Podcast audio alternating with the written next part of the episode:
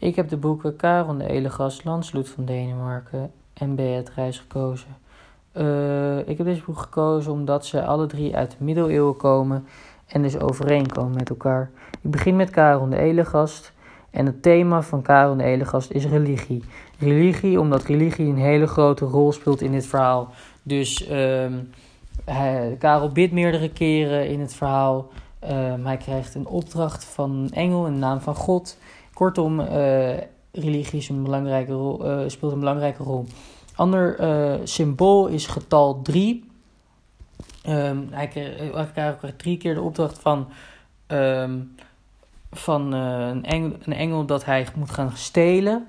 En 3 is een heilig getal en staat voor de Zoon, uh, voor de zo,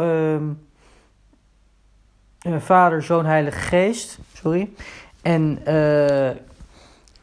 Karel gaat dus um, stelen.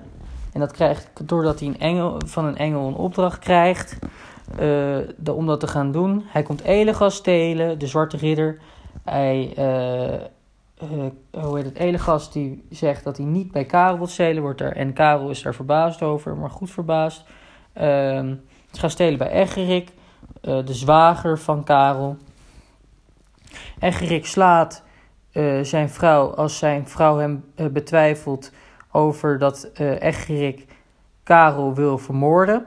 En op haar neus. En, daardoor, en ehm, terwijl zij aan het stelen waren en uh, Elegas was toen in de kamer van Egrik. En toen had hij bloed opgevangen. En daarmee kon hij bewijzen dat hij dit had gedaan. Uh, hier vervolgde een duel uit tussen Elegast en uh, Egrik op de volgende dag.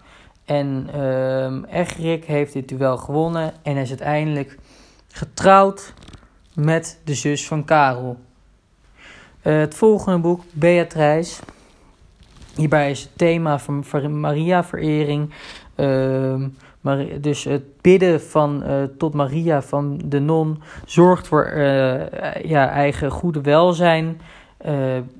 Uh, en ehm, Beatrice krijgt hulp door trouw te zijn.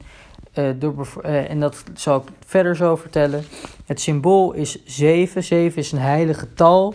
En 7 staat voor bijvoorbeeld Ehm, de zeven dagen waar de aarde is geschapen. Zes dagen en dan zeven dag rustdag. Dus uh, ja, dat.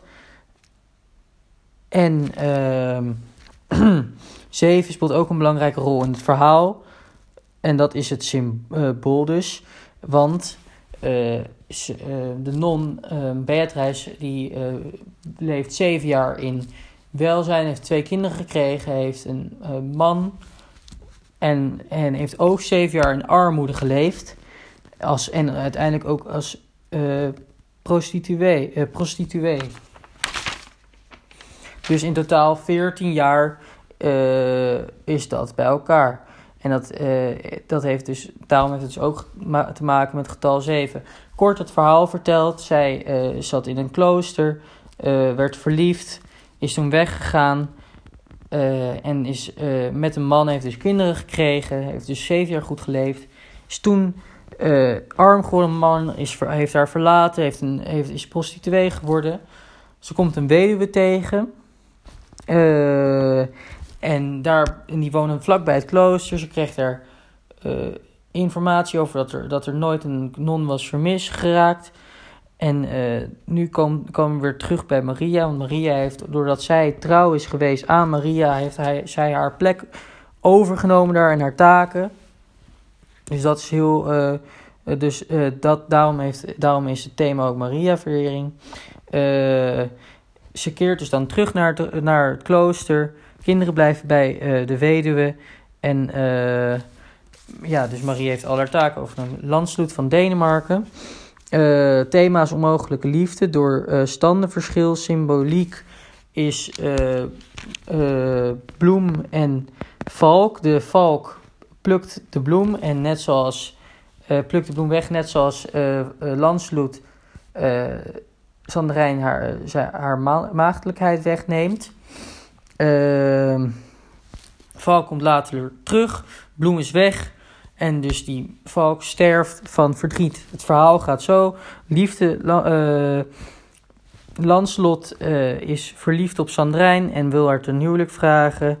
Uh, moeder bedenkt een list voor Sandrijn. En dus dat zij met elkaar naar bed gaan. En dat hij haar vervolgens verlaat. En dat zij dus